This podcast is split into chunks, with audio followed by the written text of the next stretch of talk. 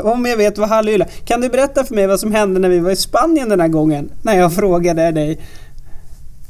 Nej, nu, nu blev det lite fel. Men kom ihåg när du halvhjulade mig upp för hela backen i den där... Långa Men vi kan skippa det. Ja, vi, vi skippar det. Det blir svårt att komma in i den. Det blir Ja, så den är för lång. internt. Ja. Halvhjul, Ja, vet, ja. vet du vad halvhjul är Niklas?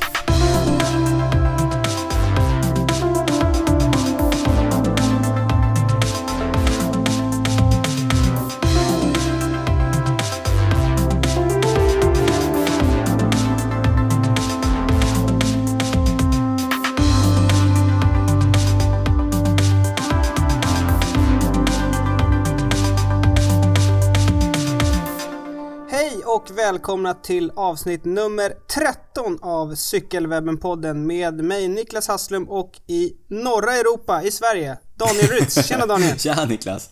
Eh, avsnitt 13, betyder det otur? Eller kommer vi klara oss utan otur genom även detta avsnitt? Ja, det får vi se. Ja. Eh, Men bra där. Ja. Det är inte fredag i alla fall heller. Nej, det är lördag när vi spelar in. Ja, eh, och du, snart har vi spelat in hälften så många avsnitt som Mark Cavendish har etappsegrar på touren. Ja, kla... klassisk, eh, klassisk referens för cykelnördar. Ja, att mäta allting, allting relativt antal etappsegrar som Mark Cavendish har på Tour de France. Exakt, han har 30 stycken och Ja. snart har vi hälften av det. Ja, det, det är lätt att glömma bort med den lilla Manksmannen, hur bra han faktiskt är. När han, han syns ju inte jättemycket nu för tiden. Nej, han vurpar mest faktiskt i år. Exakt. Du, på tal om att synas. Vi har ju inte synts jättemycket, du och jag, på sista tiden. Nej, vi brukar mest messa till varandra, men jag är ju kvar på eh, Mallis Ja. och du är i Sverige. Ja, jag är hemma efter två ganska långa resor där jag har eh, cyklat ganska mycket. Mm. Och då är frågan, jag frågade dig innan eh, du åkte till Spanien om du var i superform. Eh, ja, just det. Och jag sa att vi skulle eh, vänta och se med det. Mm. Ja, vi, vi pratade ju också i, var det förra avsnittet eller för två avsnitt sen vad vi har för FTP? Eh, ja, det var nog två va? Ja, eh, jag kan ju avslöja för dig och för våra lyssnare att eh, jag faktiskt höjt min FTP ganska avsevärt om jag ska lita på de siffrorna som jag såg i, i Spanien. Okej, Det lät som ett skryt men... man får skryta i podden. ja, nej men jag, jag... eh, Det här... Jo men jag, jag hade ju ett förläger innan jag åkte till, till Spanien. Vi brukar ju åka till Spanien på, på vårarna och nu hade jag ju ett litet förläger i Israel där eh, innan jag åkte till Spanien i år. Och det verkar ha gett eh, ganska god utdelning. Så att jag satte personligt rekord i vår klassiska testbacke upp från eh, Bålulla till Tarbena. Eh, Så den, den körde jag faktiskt snabbare än vad jag har gjort innan och eh, på högre wattsiffror också. Så att det inte var, det var inte bara gynnsamma förhållanden. Nej, Så att, ja, jag är i superform Niklas. men nu vet ju du att alla lyssnare vill ju ha siffror. Ska vi bjuda på dem? Ja, okej. Eh, Jag snittade, jag körde den sträckan som vi brukar köra på 19 minuter och 5 sekunder tror jag. Och jag snittade 327 watt över de eh, 19 minuterna. Och väger i dagsläget kanske 66 kilo. Det är bra. Det är ganska Det är bra. jättebra. Ja, jag är väldigt nöjd. Mm, härligt, nu hoppas vi att du håller i formen här tills jag kommer hem. Så Ja. jag får slita lite på våra runder ihop. Ja, för du cyklar ju inte. Nej, jag har ju berättat, det var väl ett eller två avsnitt också sen. Jag berättade att jag mest kör, skulle köra rehab här för min vad. Mm. Som jag haft väldigt stora problem under, under hösten och vintern.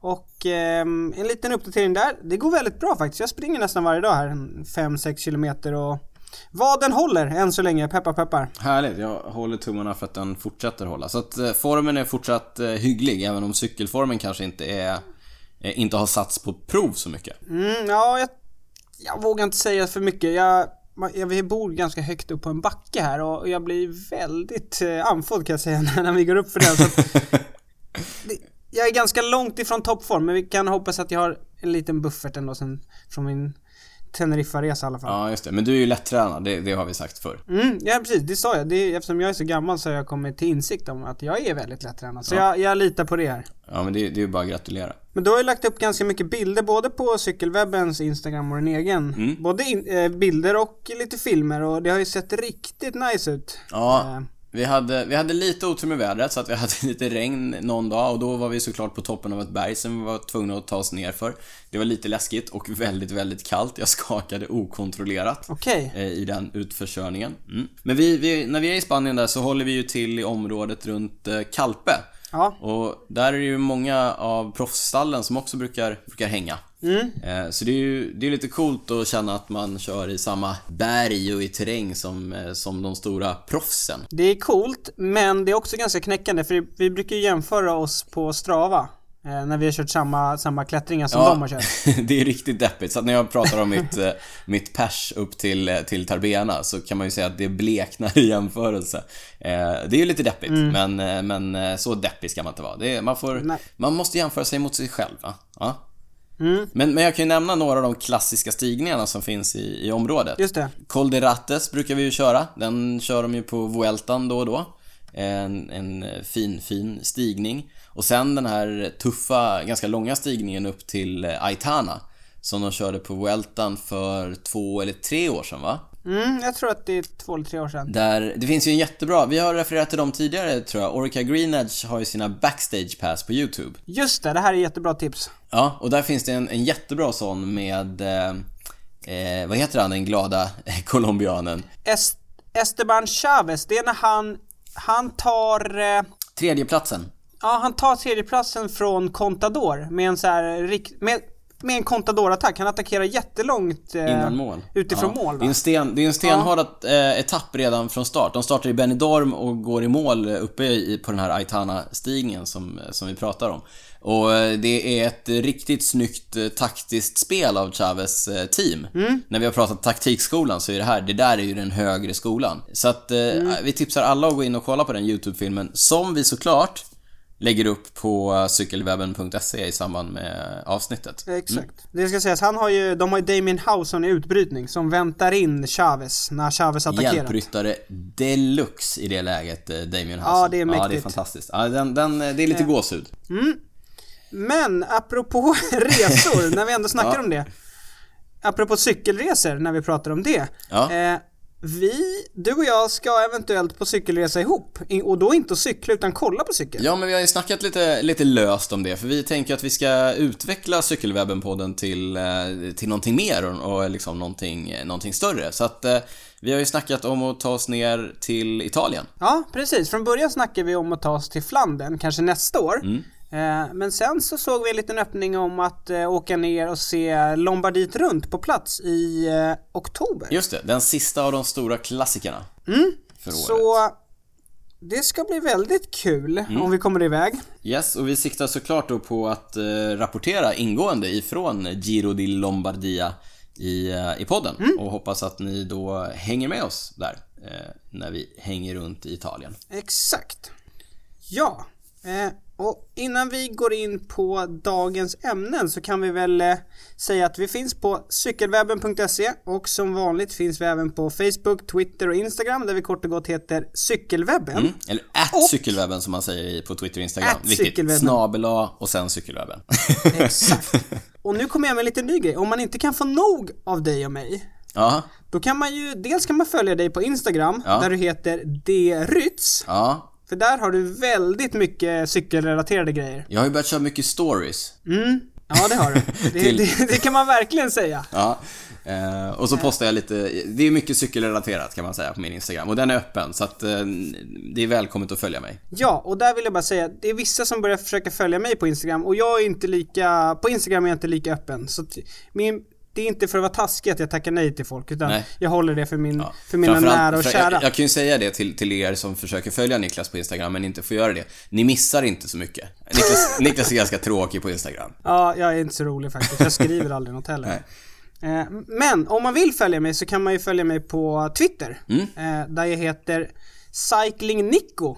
Det är väldigt internationellt. Där brukar jag skriva en del om eh, proffscykling framförallt. Exakt. Och där är du, där är du mer aktiv och eh, som vanligt insiktsfull. Mm, tack. Och det, Ja. du är, finns också på, på Twitter men Ja. du är inte lika aktiv Nej, där. mer sporadiskt. Jag, men jag twittrar ibland i samband med, också ofta i samband med cykeltävlingar när jag känner att jag måste få ur mig någonting. Så att eh, det går bra att följa mig på Twitter också. Där heter jag Daniel Rytz i ett enda ord. Precis. Och så, slutligen, om någon vill komma i kontakt med oss så finns vi på någon av de kanalerna vi sa eller på mejladressen info cykelwebben.se.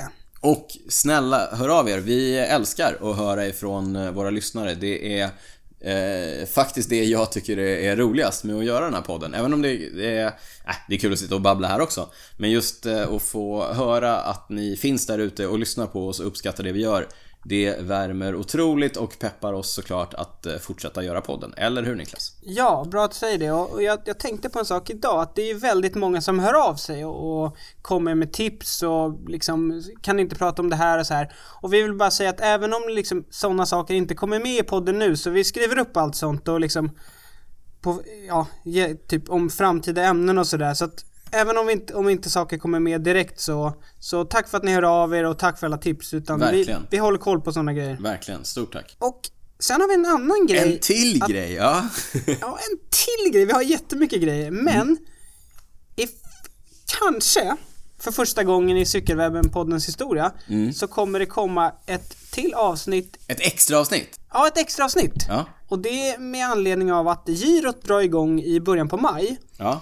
Och eh, vi känner ju inte, för vi släpper det här avsnittet nu på måndag. Mm. Och sen dröjer det två veckor tills nästa och då har girot redan dragit igång. Ja, och vi vill gärna eh, och, vara med innan där. Ja, precis, så att förmodligen så blir det ett Cykelwebben-podden extra giroavsnitt. Ja, eh, Giro extra med Cykelwebben-podden. Vi återkommer med med format och eh, var, när, hur och innehåll och sådär. Men, eh, men håll ögonen öppna, det kanske dyker upp ett avsnitt när ni minst anar det. Exakt. Och förhoppningsvis så får vi se eh, en av våra två svenska proffs, Tobias Ludvigsson, på startlistan. För jag har twittrat lite med honom. Ja, med, från ditt cycling Nico-konto. Mm, precis. Jag såg ju, Tobbe var ju och körde Tour of the Alps nu. Mm. Eh, och då så gick jag in och kollade lite på, på FDJ Groupama som de nu heter. Groupama eh, FDJ heter de väl till och med? Ja, ja precis. Den... Tack. Bra rättning där. Eh, ja. och den startlistan, liksom deras, eh, deras gäng där som de hade där liknar väldigt mycket det, liksom de cyklisterna de har haft i Giro tidigare. Så då twittrade jag till Ludde. Han har ju varit skadad i vinter så att ja. man har inte riktigt vetat hur formen är sådär på honom. Så då skrev jag det där ser väldigt likt ut ett eventuellt eh, Giro-lag. Jaha, ja. Då fick ja. jag svar, hehe, det tycker du. Och en blinkande smiley. Ah. Så... ja, vi, vi får se.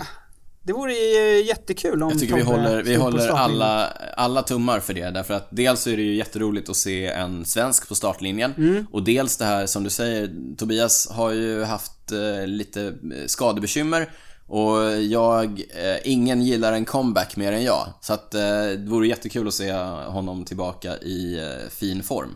Så att eh, det håller vi såklart tummarna för. Mm, vi återkommer kring det där. Eh, men Dagens ämnen Daniel, vad ska vi prata om? Ja men det är som vanligt, vi kör på med Hänt sen sist. Den är, både, den är uppskattad både av oss själva, som vi gillar att prata mycket om, om allt möjligt. Eh, men det verkar också som att ni där ute gillar att, att höra oss snacka om det. Eh, jag kommer som vanligt köra ett litet eh, prylsvep. Mm. Och sen efter det, jag sitter i ett soligt Stockholm. Därför att våren har äntligen behagat göra intåg här i eh, den kalla Norden. Och då är ju fler och fler blir sugna på att cykla. Fler och fler blir sugna på att cykla tillsammans med andra i grupp. Och det gillar vi. Det gör vi.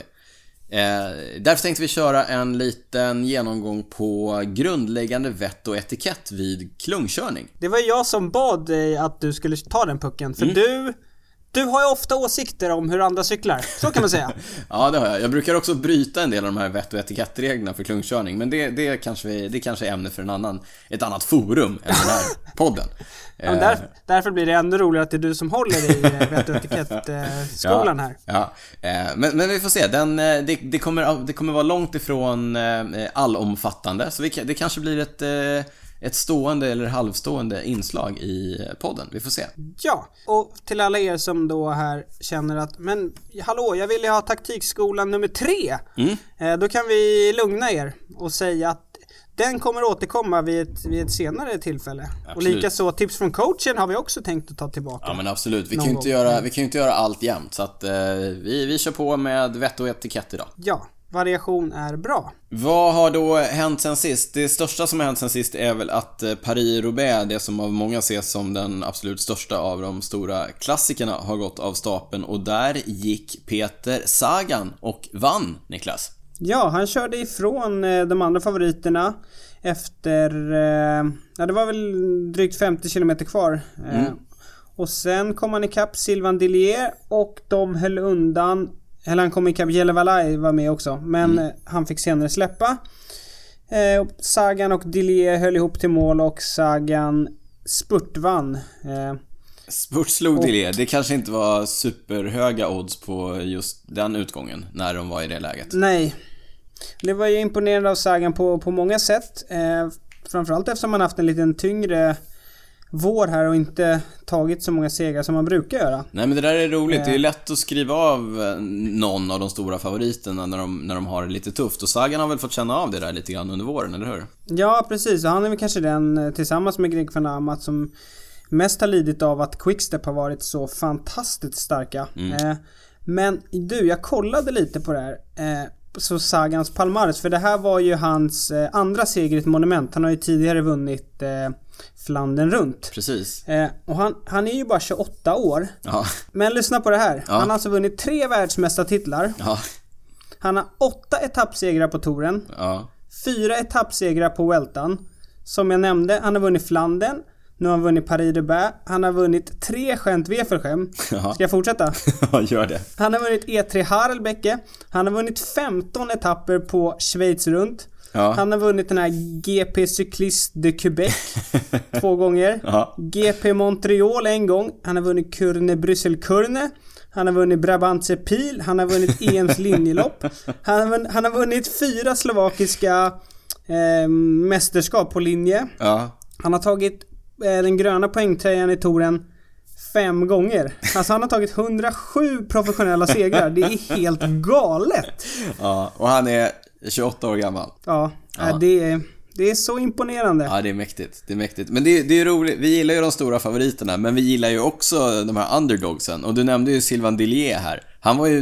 Det, hade han slagit Sagan i det läget, det hade ju varit århundradets skräll. Ja, det var ju lite som när eh, Matthew Heyman vann. Eh, Ja, när han spurtslog Var det- Tom Bonen. ja, det var Ur några år grupp. sedan. När Ja. han, precis, han satt ju med i morgonutbrytningen och det gjorde ju Dillier också. Ja. Eh, och sen när eh, favoriterna kom ikapp så hängde han med då. Så det, därför är det också just på Paris-Roubaix som är det, den är lite annorlunda den tävlingen och där är det är väldigt eh, Ja, det är annorlunda att komma med utbrytningen för då, då finns de här chanserna. Det, det, där är, det där var en reflektion som jag gjorde i, i år på, på Paris-Roubaix, men också på många av de andra klassikerna. Det har inte varit någon spektakulär racing i det att det har varit så här hårda attacker och så har någon skapat någonting och hållit undan och, och sådär. Men, men det har verkligen varit genomhårt. Och det kan man, det kan man ju se på, på Paris-Roubaix. Det tog ju, jag tror att det tog över en timme innan den så kallade morgonutbrytningen kom iväg. Ja, Därför att det, var, det gick så fort i hela klungan liksom. Det, var, det är verkligen stenhårt. Och man märker också, tycker jag, i de avgörande ögonblicken. Nu, nu kom ju Sagan iväg. Men anledningen, det såg ju heller inte spektakulärt ut när han gick iväg. Det var inte så att han ställde sig upp och tryckte 1000 watt i, i 20 sekunder och skapade en lucka. Utan han gled ju bara iväg och så undrar man lite grann så här, varför hänger de andra inte med? Eh, och anledningen är ju för att det hade gått så hårt fram tills dess att det var ingen som riktigt kände att de, att de, de vågade inte satsa på det där. Därför att de, liksom energin var låg. Jag brukar alltid vara lite sådär inför Paris-Roubaix. Jag brukar alltid vara lite... Jag har tröttnat lite på liksom de här kullerstensklassikerna och sen tycker jag alltid att eh, Paris-Roubaix är lite så här överhypad. Mm. Men så fort Paris-Roubaix är igång och man ser liksom eh, när de bombar över de här pavéavsnitten då, då liksom, då får jag alltid tillbaka liksom. Ja, det är häftigt. Fast det, det är rätt schysst med Paris-Roubaix ändå. Ja, det är Just den här, du vet när man ser den här bilden när det står massa folk eh, liksom supertight på ett pavéavsnitt och så kör de med motorcykeln fram, framför och filmar bakåt när de liksom bombar över kullerstenarna. Ja, det, ja, jag, tycker, jag tycker det är sjukt coolt. I år jobbar de ju också mycket med de här super slow motion sekvenserna. Det var ju häftigt. Då ser man ju eh, lite mer teknik och så, jag tror att, jag tycker att man får lite mer, ännu mer en förståelse för hur sjukt hårt det är att köra över det där underlaget. Mm. Eh, och kul att säga just det. Jag såg en, en bild här på att Richie Port var ute och testade ja, den etappen de ska köra på touren med, med kullstenarna. Richie Port, jag, fyller i här. Richie Port är alltså eh, BMCs eh, stora hopp för eh, de stora tourerna. Inte en kille för kullerstensklassikerna. Exakt. Så han var ute och rekade den etappen och skrev, jag tror han hade upp någon bild och skrev att liksom Jag hatar kullerstenarna. Respekt till alla er som liksom flyger över dem under vårklassikerna. Och det, ja. Det bevisar väl bara hur grymt duktiga de här klassikeråkarna är. Ja. En annan grej, eh, Taylor Finney gjorde ett jättebra lopp, amerikanen i, numera i, i Cannondale-stallet. Han har ju varit borta i några år efter en hemsk olycka på amerikanska tempomästerskapen för några år sedan där han fick ett riktigt eh, illa, ett riktigt eh, komplicerat benbrott som har gjort att hans mm. comeback har, har verkligen dröjt och det har varit spekulationer om han skulle komma tillbaka överhuvudtaget. Han gjorde ett fantastiskt paris som, som eh, kvitto på att han, han då förhoppningsvis är tillbaka och det gläder mig Eh, oerhört. Jag gillar Taylor Finney jättemycket. Eh, och innan vi lämnar Paris så måste vi tyvärr eh, nämna det tragiska som hände med eh, Veranda Willems Krellans Michel Gollart som fick en eh, hjärtattack under loppet vilket eh, gjorde att han kraschade och senare på kvällen avled på sjukhus. Ja, vidrigt och hemskt och tragiskt och våra tankar går såklart till, eh, till nära och kära och eh, lagkamrater. Det är hemskt att eh, sånt händer och att det händer under en cykeltävling gör det ju, eh, ja, det är inte mer eller mindre tragiskt men det är ju hemskt att en ung människa ska eh, gå bort på det sättet. Ja, och jag tror vi lämnar det där för det känns som att det mesta är redan skrivet om det hur hur tragiskt det är. Ja. Så jag tycker vi går vidare och pratar lite om Amstel Gold Race som är den första av Ardenner-klassikerna. Ja, de backiga klassikerna som går i de norra delarna av Belgien är det väl? Eller? Ja, precis. Nu är ju inte Amstel Gold Race de, de hör ju till Ardenner-klassikerna, man, man nämner den i samband med dem. Men sen ska sägas att det är, det är inte helt rätt för Amstel Gold Race går ju i Holland. Just det. I, så egentligen är inte det samma, det är inte i de Ardennerna, men, men det nämns i den. Ja men det är bra, det är viktigt att hålla ordning på detaljerna här. Ja. Eh, på damsidan så vann eh, Chantal Black eh, i sin eh, världsmästartröja. Mm. Chantal Black som kör för Bowles Dolman Cycling Team. Yeah. Hon vann för eh, Lucinda Brand och Amanda Spratt. En, en rolig grej där. Eh, du kommer ihåg att vi pratade om det här med beach racing för några avsnitt sen? Ja, det var länge sen i podden, men det, ja absolut. Ja. Eh, och då, då nämnde jag att Rianne Marcus vann EM på damsidan. Ja, och hon var faktiskt fyra på Amstel Gold Race här. du älskar det, det här att knyta ihop olika discipliner och... ja. ja, precis. Så, så det var faktiskt en rolig grej när jag såg resultatlistan. Eh, ja, roligt. På, på här sidan pratade vi ju om att eh, danskarna och norrmännen eh, ligger ganska mycket längre fram än vad vi gör på... Eh, på ja.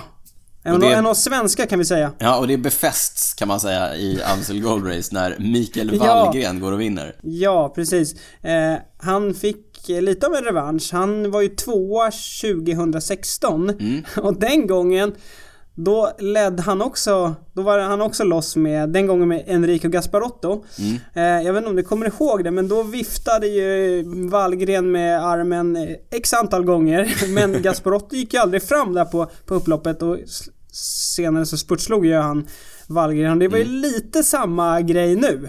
Eh, när han var loss här med Kreuziger. Ja, just det. Wallgren var loss med Kreuziger på slutet och viftade frenetiskt med, med armbågen för att få fram Kreuziger. Det var väldigt, väldigt många gånger och till ja. slut, jag, jag, jag, jag fick lite sådär dålig feeling att såhär, nej han gör samma misstag igen. igen. Men till slut, ja, till slut kom eh, Kreuziger fram då. Ja. Eh, och tog en förning och sen så spurtvann eh, Wallgren. Men det är roligt för du, du nämnde här, du nämnde ju eh, Gasparotto, att det var han som slog Wallgren 2016. Anledningen till att Kreuziger gick fram, det var ju för att han kände att just eh, Enrico Gasparotto jagade dem i, eh, han var ju dem hack i häl. Mm, precis. Han var på väg i kapp där. Mm, precis. Så Kreuziger blev lite stressad och rädd om sin andra plats. Han gick fram och tog en förning. Och sen så eh, lyckades så Wallgren ta spurten. Det tror jag att han hade gjort från spets ändå. Eh, Kreuziger är kanske inte den spurtsnabbaste killen i klungan. Nej, och innan vi lämnar Ams äh, Amstel Gold Race så kan vi säga att vi pratade ju även, återigen jag knyter, knyter ihop säcken här, vi prat, har pratat om hur viktigt det är att ha flera lagkamrater i första gruppen och det var ju exakt det Astana hade. De hade ju Wahlgren och sen hade de även en annan dansk, nämligen Jakob Fuglsang. Eh, De hade de två i, i första gruppen och Båda de attackerade några gånger och det var, kändes som att det var en tidsfråga innan någon av dem skulle komma iväg. Ja. Eh, Och det blev Wallgren som kom iväg. De Så, gjorde det snyggt. ja, De, de, satte sig i ett, eh, de satte sig i en bra situation och sen förvaltade de den situationen snyggt. Det var eh, föredömlig lagkörning av danskarna i Astana-stallet. Astana is on fire kan man säga. Ja, det får man säga. Den andra Ardenner-klassiken, La Flèche Wallon, eh, Vallonska pilen. Där har ju, den har dominerats av två cyklister de senaste fyra åren. Mm. Anna van der Breggen har vunnit den tre år på rad och vann även i år. Så fyra år på rad alltså. innan. Ja, precis. Vi har ju pratat om henne innan. Hon vann ju alla Ardenner-klassikerna förra året. Och nu vann hon uppför klassiska Mour de Huy. Mm. Eh, Fjärde gången i rad. Det är rätt imponerande. Ja, precis. En, en annan som har vunnit fyra år i rad, det är ju Alejandro Valverde. Mm. Han var ju ute efter att ta en femte seger, men så blev det inte. Nej, Det blev fra, fransmannen i Quickstep, Julian Alaphilippe, och Quickstep fortsätter vinna. Ja, även här. Vi trodde ju att, vi trodde att deras eh, framgångar lite grann skulle ebba ut efter att de eh, hårda kullerstensklassikerna var över. Men Julian Alaphilippe visar att eh, även när det är backigt så kan Wolfpack leverera. Precis, Wolfpack, hashtag.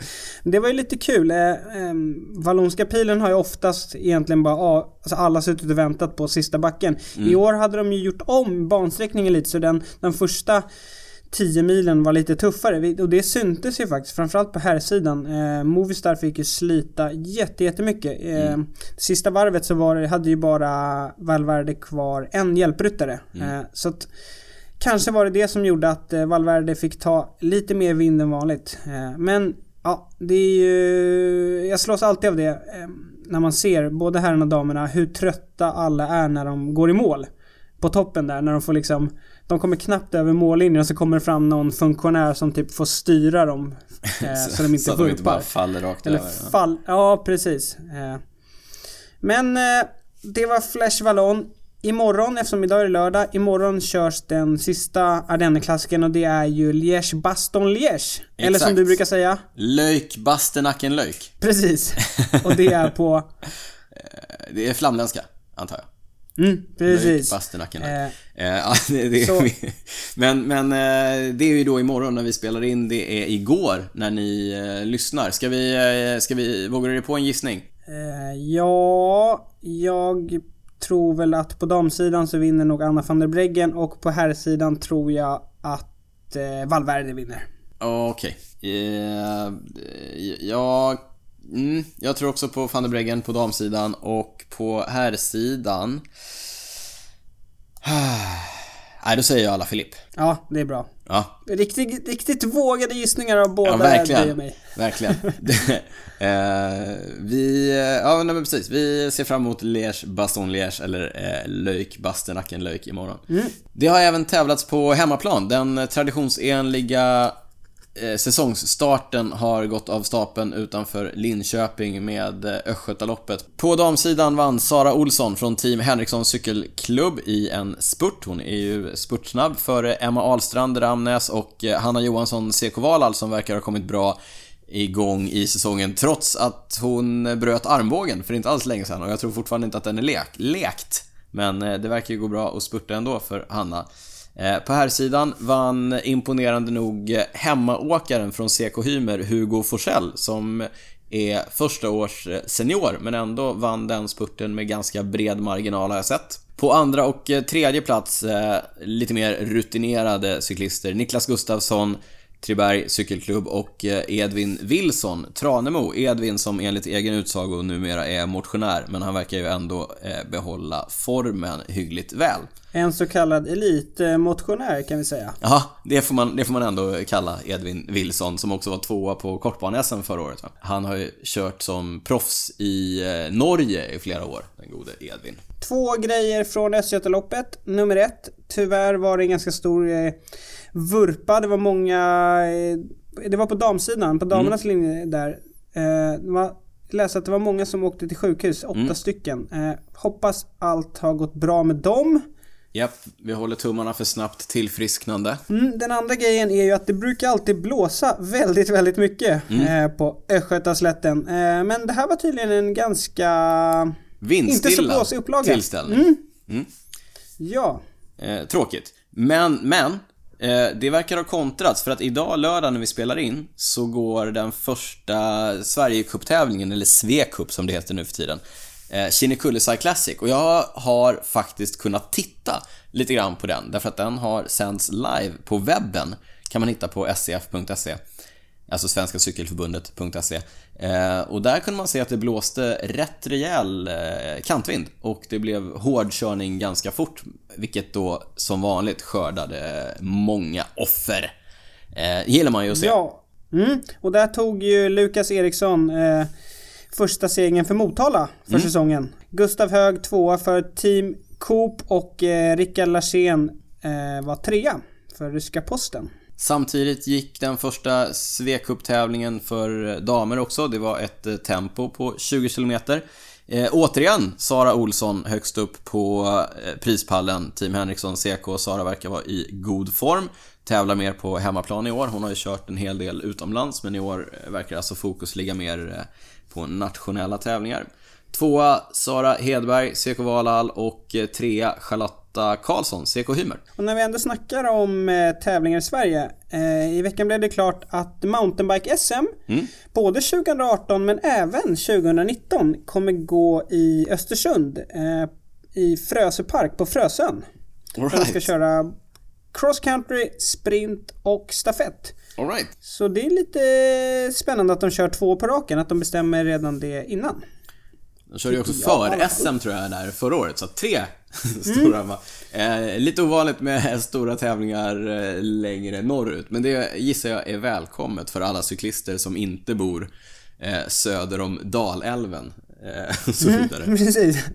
Eh, jag vet inte om jag sa det, men 18 till 22 juli i alla fall. Mountainbike-SM. I Östersund. Ja, en annan punkt som eh, har varit stående i podden är ju vår Boomwatch. Den släpper vi inte. Nej, den släpper vi inte. Eh, och jag har lite att rapportera. Mm, låt höra. Ja, eh, Lars var och körde La Flèche Wallonne. Och häpnadsväckande, han DNFade. Nej. Åh, stackars La- han har, det inte, han har det inte lätt Curse. alltså. Han har det inte lätt den gode Lars Bohm. Nej. Det känns som att vi snart måste släppa den här Boomwatch så han börjar ta sig i mål. Ja, Jag tycker ändå att den är lite... Jag gillar den ändå. Vi hoppas att det Ja. ger honom någon typ av eh, eh, moraliskt stöd och vet att någon ändå kollar på honom. Ja, snart. Jag tänkte nog att vi kanske ska ta kontakt med honom någon gång här och berätta att vi ändå följer honom, att vi, att vi hejar på honom. Ja. Eh, men han ska tävla nu i Romandiet runt som börjar samma dag som vi släpper det här avsnittet. En, en rolig grej och det tänkte jag ge lite bassning till den gode Lars. Jag Mm. såg på hans, eh, han eh, gjorde precis som dig. Eh, han, han är också så här, lägger ut ganska mycket sådana Instagram stories. Stories. Ja. Ja, och jag såg att han var i full eh, träningsmundering i sina lottokläder. Var han hämtade ett av sina barn på antingen dagis eller skolan. Det var Ja. lite oklart. Eh, men han, du vet, så här, cyklade och hämtade den, så satte han barnet på styret. Han är ju gammal crossåkare så han har ju riktiga skills. ja, just det. Men det som var bra var att han hade hjälm. Det som inte var så bra var att inte barnet hade hjälm. Nej. Ja, Eh, det var är lite bra. trist. Men så han satte, Nej. han satte barnet på styret alltså? Det var ingen barnstol Ja, eller så på, på Nej, tävlingshojen? nej precis. Utan rakt på styret liksom och Ja. framåtvänd.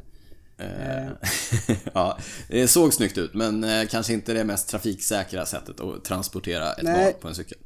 Safety first. Ja, det är bra. Okej, så Lars Bohm, DNF och eh, dålig eh, trafiksäkerhet vad gäller barn i trafiken. Ingen bra vecka för Lars kan jag känna. Nej, vi får hoppas att det blir bättre här i Ja, runt. Vi, håll, vi kommer hålla koll på honom. Vi håller alla tummar. Mm, ja, det gör vi också. Ja. Eh, men du, ska vi dra ett litet eh, prylsvep innan vi går in på vett och etikett i klungan? Mm, det vet du. Vi, jag har ju tidigare pratat i prylsvepet om att jag tycker att det är lite tråkigt med den här likriktningen som finns i cykelbranschen. Det vill säga att alla egentligen har samma grejer mer eller mindre och att eh, de här custom-grejerna försvinner lite grann. Mm, det minns vi. Ja, eh, Cane Creek, amerikanskt företag som gör, eh, egentligen gör de väl, eh, har de gjort sig mest kända för att göra styrlager, såna här integrerade styrlager och headset-lager och sånt där. De gör någonting åt det. De har nämligen köpt upp eller gått ihop med ett litet, litet företag som heter EE Cycleworks, alltså EE Cycleworks. Och eh, deras grundare Craig Edwards. Och Craig är en eh, jag säger inte galen, men han är en ingenjör. galen vetenskapsman ja. kanske.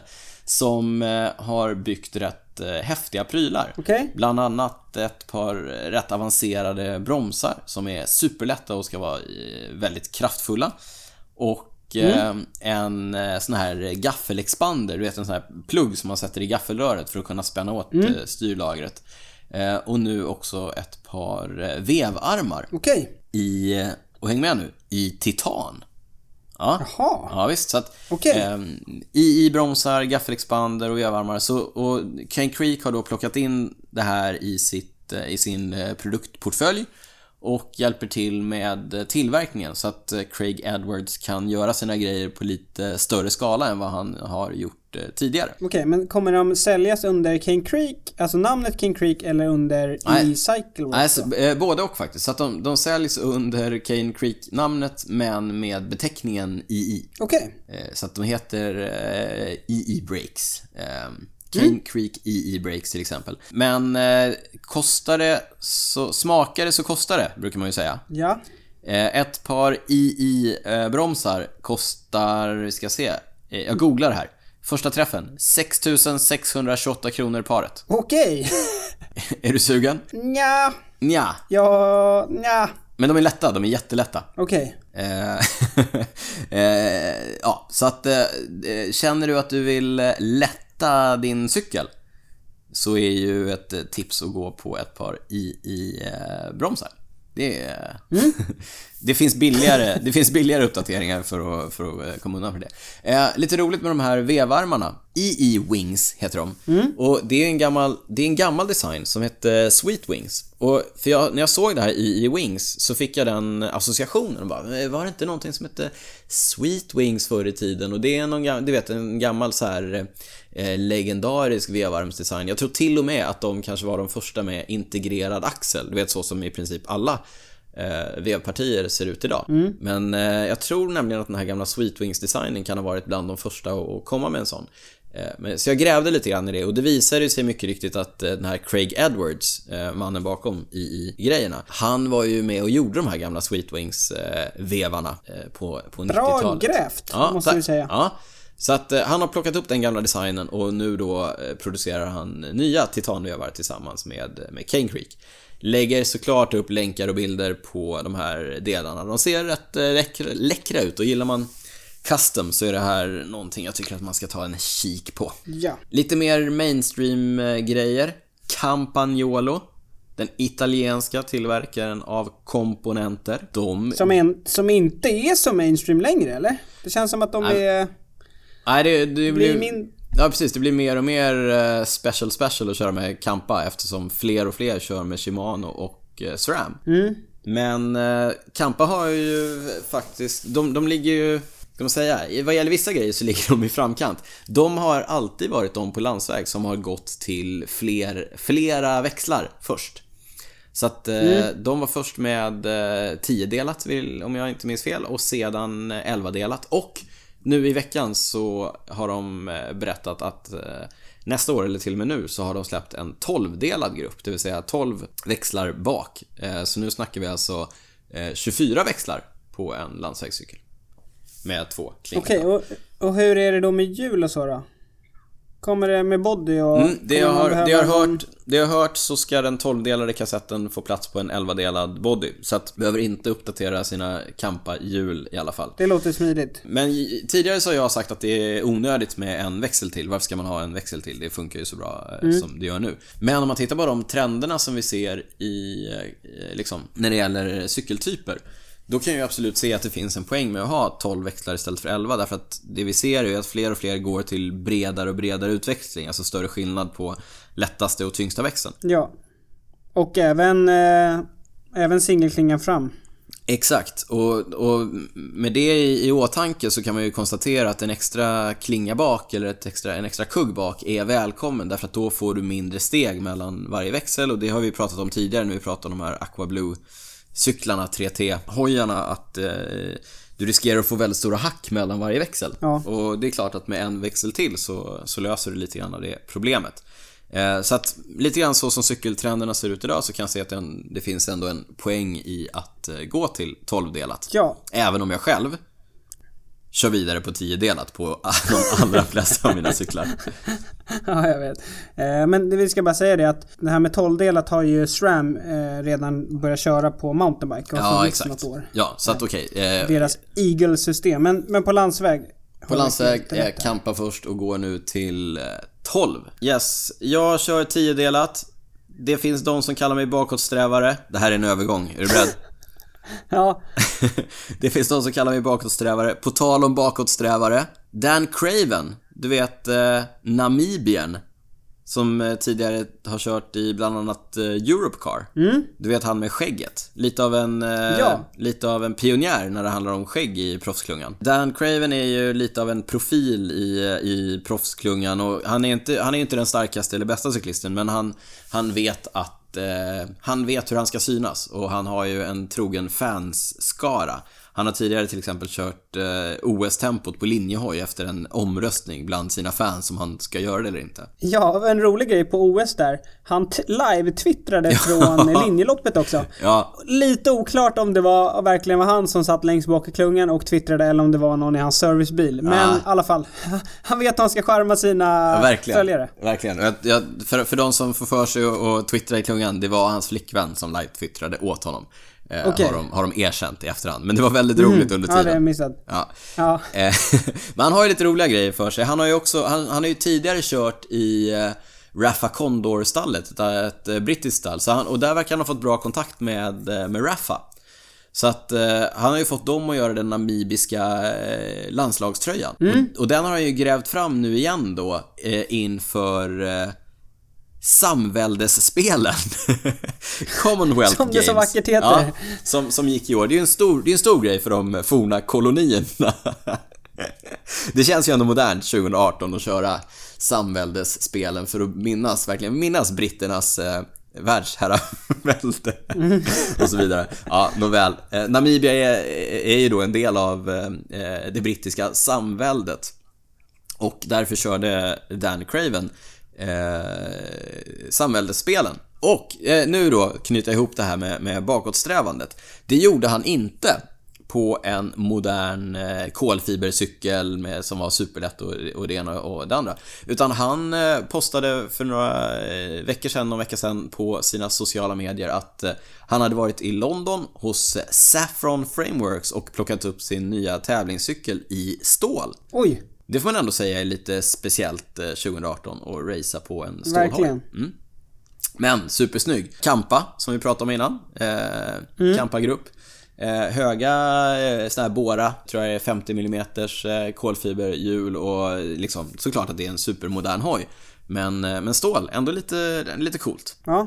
Stod det något om vikt eller? Eh, det gjorde det säkert, men jag har det inte i huvudet. Jag, jag rotar lite och lägger såklart ut eh, länkar och bilder på cykelwebben.se. Eh, resultatmässigt kanske inte jättemycket att skriva hem om. Han blev eh, 40 Eh, jag läser här att i, på det linjeloppet så vann ju Stil von Hoff. mm, Ett av de coolare namnen i klungan. Mm. Ja. Men du kan ju berätta varför det var lite anmärkningsvärt. ja, det är ju extremt anmärkningsvärt. Stil van Hoff som vann då, som du sa. Han bröt nämligen ryggen i februari på sex ställen. Och lyckades ändå då komma tillbaka på bara några veckor. Alltså några veckor, men vad är det? Två månader? Februari? Ja. Eh, och vinna linjeloppet på, i eh, Commonwealth Games. Det är ju en fantastisk historia. Eh, och jag har ju sett, igen, jag lägger upp bilder på cykelwebben.se. Bara några dagar efter att han hade kraschat och då brutit ryggen så började han träna för att han ville komma tillbaka. Och då började han träna eh, i någon sån här eh, liggcykel kopplad till en trainer. För att det var enda sättet han Ja. kunde eh, träna. Och då ligger han alltså med så stödkrage på, på rygg och trampar för att spinna igång benen. Men lyckas alltså ändå komma tillbaka så pass att han vinner ett, en stor tävling. Fantastiskt, ruskigt häftigt. Ja, det ska sägas också att Australien brukar dominera den där tävlingen. Mm. Eh, han hade ganska många lagkamrater där också. Men han, det var, blev en spurt där som han vann. En, apropå det där med att ligga sådär med sån eh, stödkrage och så. Det har jag sett en annan som gör. Det är ju Peter Vakoc. Just det. Eh, Quickstep-cyklisten. Han blev påkörd när de var på träningsläger i Sydafrika. Och. Fick också, jag vet inte exakt vad som hände men jag har även sett att han kör den där liggande och ligger och försöker spinna benen. Men det där med att rehabträna och komma tillbaka och vinna stora tävlingar, det verkar ju vara ett vinnande koncept för våra australiensiska vänner. Matthew Heyman som du nämnde nyss i samband med Paris-Roubaix, han gjorde ju samma sak. Han bröt ju armen eh, några veckor innan och eh, famously vann, eh, vann ändå Paris-Roubaix och eh, tränade ju mestadels på trainer och Swift innan eh, han vann eh, Roubaix det året. Verkar vara en trend. Ja, det var ju ganska coolt. Det var efter, efter att han vann Paris-Roubaix så la han ju ut någon bild va? När han satt i sitt garage med armen En i stege gips och och... Ja. Ja. Ja. ja, det var riktigt, riktigt imponerande. Då tycker jag att vi går vidare för då har vi kommit fram till en punkt jag ser ganska mycket fram emot. Det är Daniels vett och etikettskola vid gruppcykling. Eh, och alla som brukar cykla med dig, eller som har cyklat med dig, de flesta i alla fall har nog fått en tillrättavisning någon gång. För Ja. det, du, det, det ska, vi ska inte sticka under stolen med att du ofta har synpunkter på hur folk uppför sig i klunga. Ja, jag tenderar att ha det. Och, eh, ja, och jag tenderar också att berätta för dem på mer eller mindre trevliga sätt. Men, men ofta det som ska sägas, och det, det ska du ha ändå lite cred för.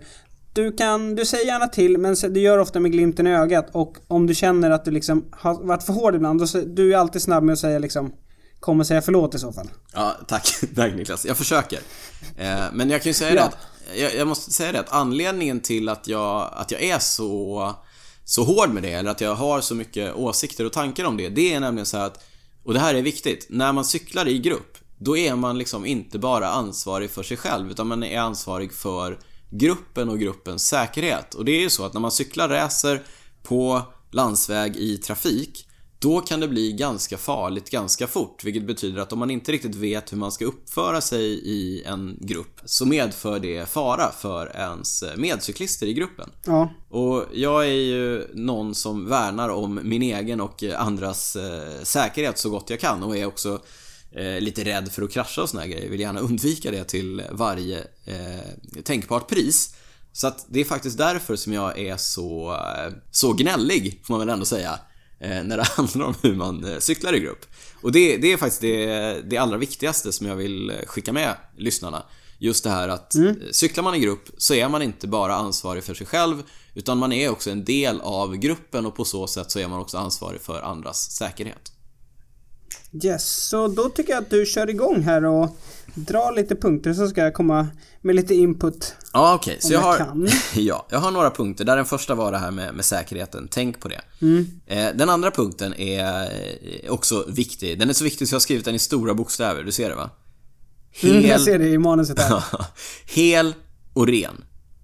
Det vill säga, dyker du upp till en, eh, en gruppträning eller en, eh, en group ride eller vad det kan vara. Se till att vara hel och ren, både du och cykeln. Vi pratade ju i förra avsnittet om det här med att tvätta sina kläder. Det är inte så fräscht att dyka upp med kläder som luktar svett eller som är eh, utslitna bak så att någon måste sitta och stirra in i sånt man inte vill sitta och stirra in i och så vidare och så vidare. På samma sätt så är det inte kul att behöva lyssna på någons eh, knakande cykel på ett fyra timmar långt distanspass och eh, det är helt enkelt så att det är också lättare att hålla cykeln eh, hel och, och ren och fungerande när man är ute och tränar om man då ser till att den är hel och ren eh, på egen hand. Så att det är den första punkten. Se till att både du och cykeln är hel och ren innan du eh, dyker upp på passet. Bra, den tar vi till oss. Inga kommentarer på den? Nej, jag håller bara med. Ja. Eh, absolut. ja men bra.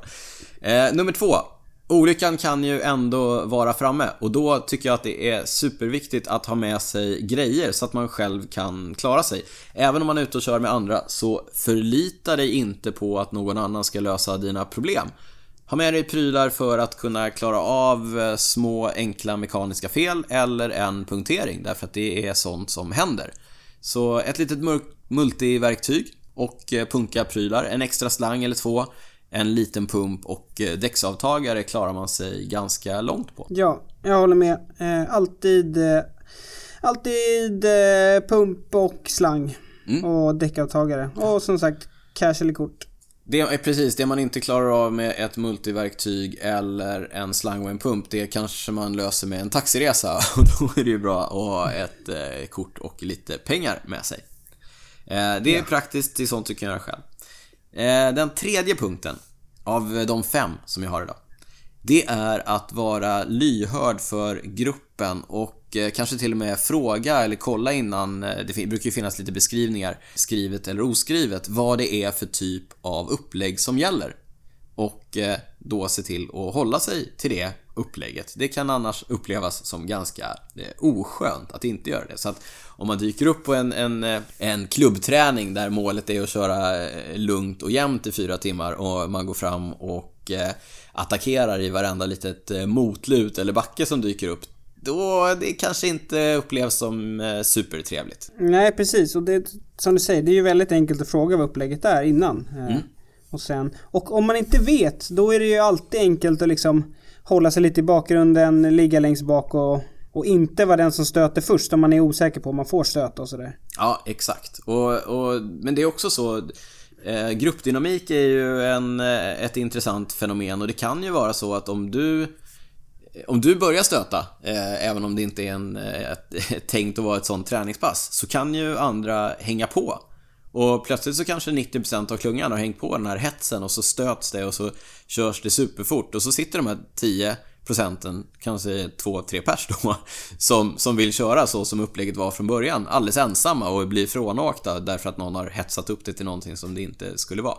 Eh, lite oskönt och de, läge. Och de, ja, exakt, och de hade hängt, tänkt att det skulle vara ett lugnt eh, liksom, distanspass. Precis. Och bli frånåkt eh, fem mil hemifrån, den är inte så rolig. Nej, den är inte Då så rolig. Då sitter, sitter någon och svär. exakt. Så att eh, missbruka, men, men, missbruka inte den gästfrihet som finns i eh, i gruppträningar. Nej, den, den, är också bra. Den är bra. Jag Mycket kan, kloka den, tips. Ja, tack. Där kan jag erkänna att den har jag, där har jag syndat. Eh, en eller annan gång. Ja, nej, man blir pigg liksom. Man har bra ben någon dag. Då vill man ju mm. använda dem.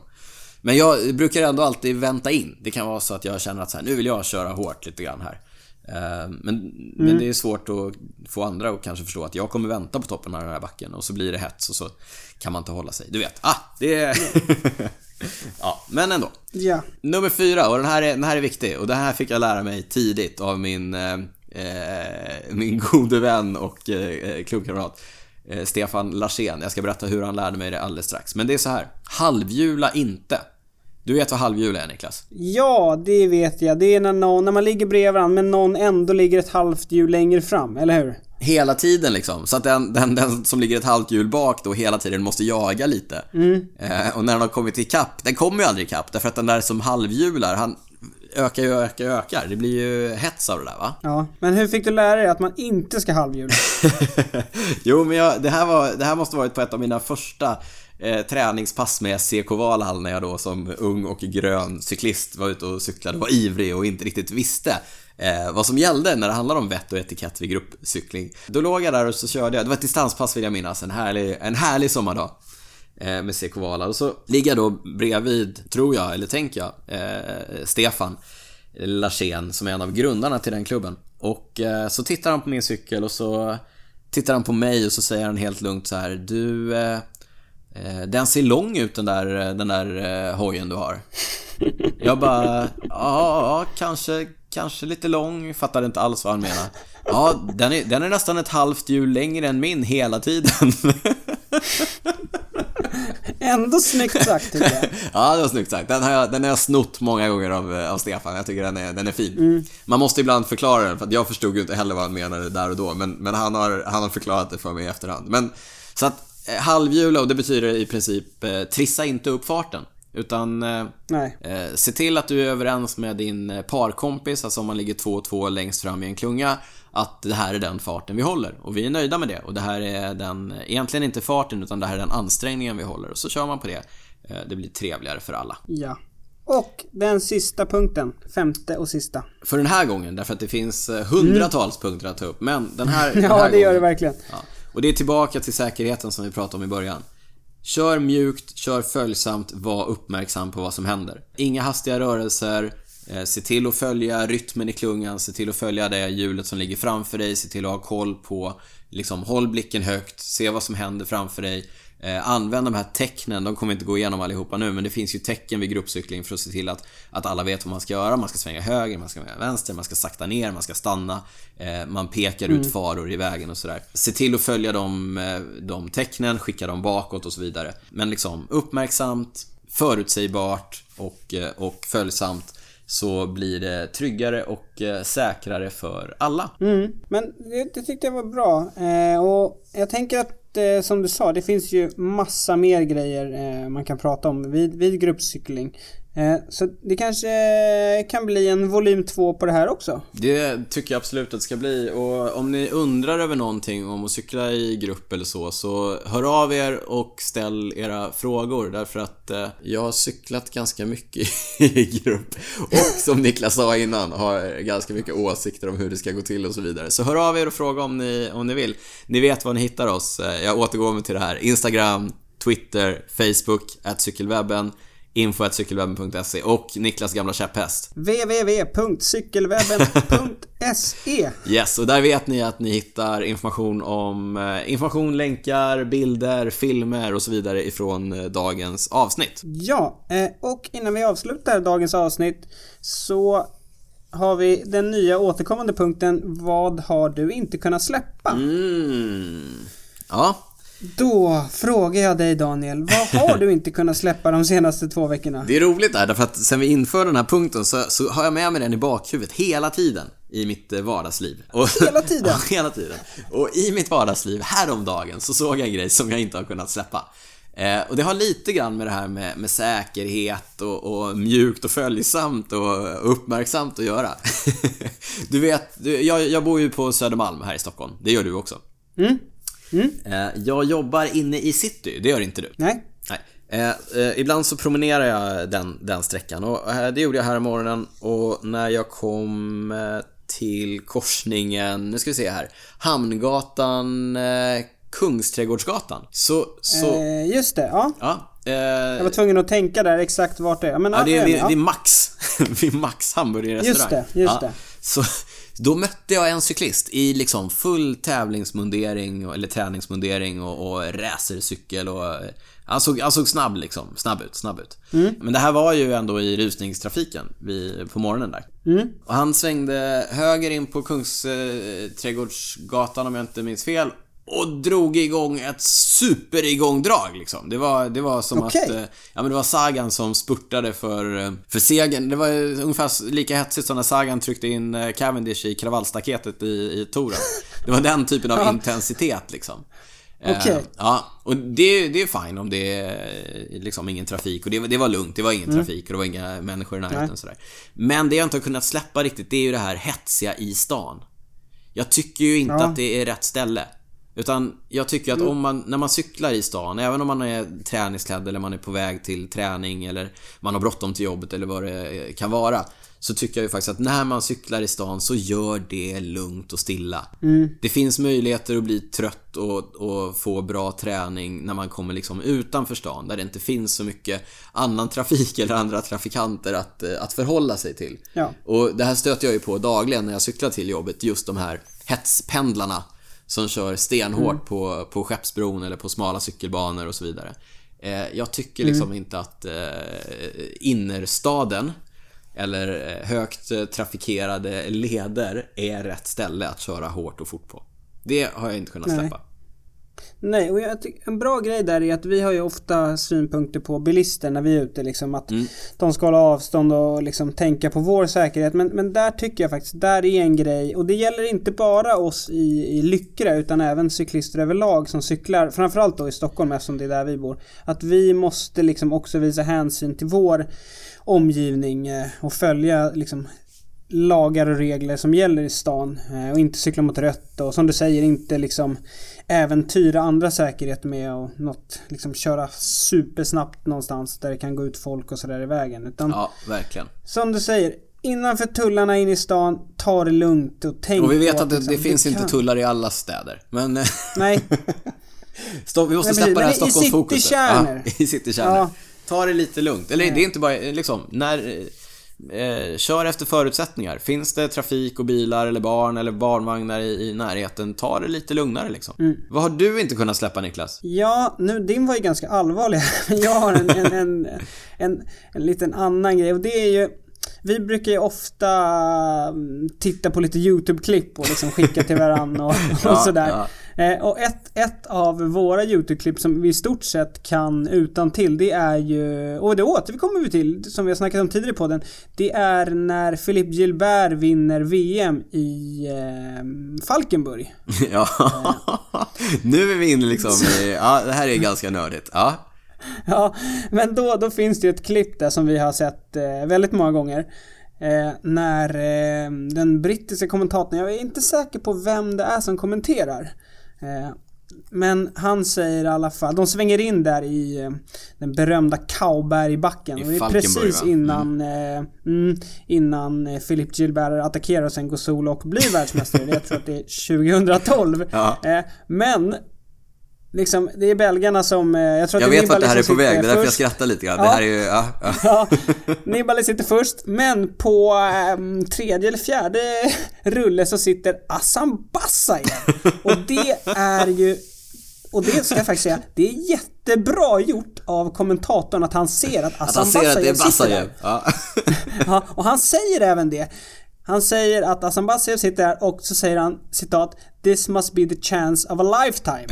For. Bassajev. This must be the Ja. Eh, sen attackerar Gilbert och Bassajev försvinner. Han blir senare 18 man. Ja. Men det jag inte kunnat släppa är att Assam Bassajev i veckan eh, blev det officiellt att han blir sportdirektör i Astana. Ja, det var ju det stallet han, Eh, det- eh, han körde i när han var aktiv. Mm, precis. Eh, så jag tyckte det var lite kul att han, eh, en av liksom Ja, vi har de- det där citatet har vi kört x antal gånger och det var lite kul att han nu dök upp igen. Fortfarande aktuell, just då, 2012. Ja. Men nu dök han upp här och blir eh, sportdirektör i Astana. så det har jag inte kunnat släppa. Ja, vad härligt. Det var, det var en eh, mer eh, humoristisk och lättsam eh, not som man inte har kunnat släppa. Ja, du får lägga upp ett klipp på det där i, Gissa på om, jag kommer lägga upp, eh, gissa om jag kommer lägga upp det klippet på eh, cykelwebben.se när Bassajev Ja, har, om du, har om sitt det livs funkar chans. så kan du... Det, om det funkar får du försöka lägga upp ljudet här i podden också så man Ja, jag ska se om jag kan klippa in det också. Eh, men du, eh, det här var sista avsnittet där vi inte mm, sitter, Sitter tillsammans. tillsammans. För nästa gång så gör vi det. Mm. ja, åh vad jag ser fram emot det Niklas. Ja, och eh, vi ska inte bara podda tillsammans utan vi ska försöka cykla lite tillsammans också. Ja, det väldigt ser jag ännu mer fram emot. Men som sagt, eh, om två veckor kommer nästa avsnitt. Om vi får till det så kommer eventuellt ett giroavsnitt här. Eh, innan girot börjar den fjärde är det va? Tror jag. Mm. Fjärde maj. I Israel. Eh, Spännande, spännande. Ja. Mm, men eh, Christer Wahlberg har gjort en fantastisk jingel så jag tycker att vi rullar den och säger tack till våra lyssnare. Ja, stort tack för den här gången och på återhörande och så rullar vi jingeln. Mm, ha det bra! Ha det bra, tja tja!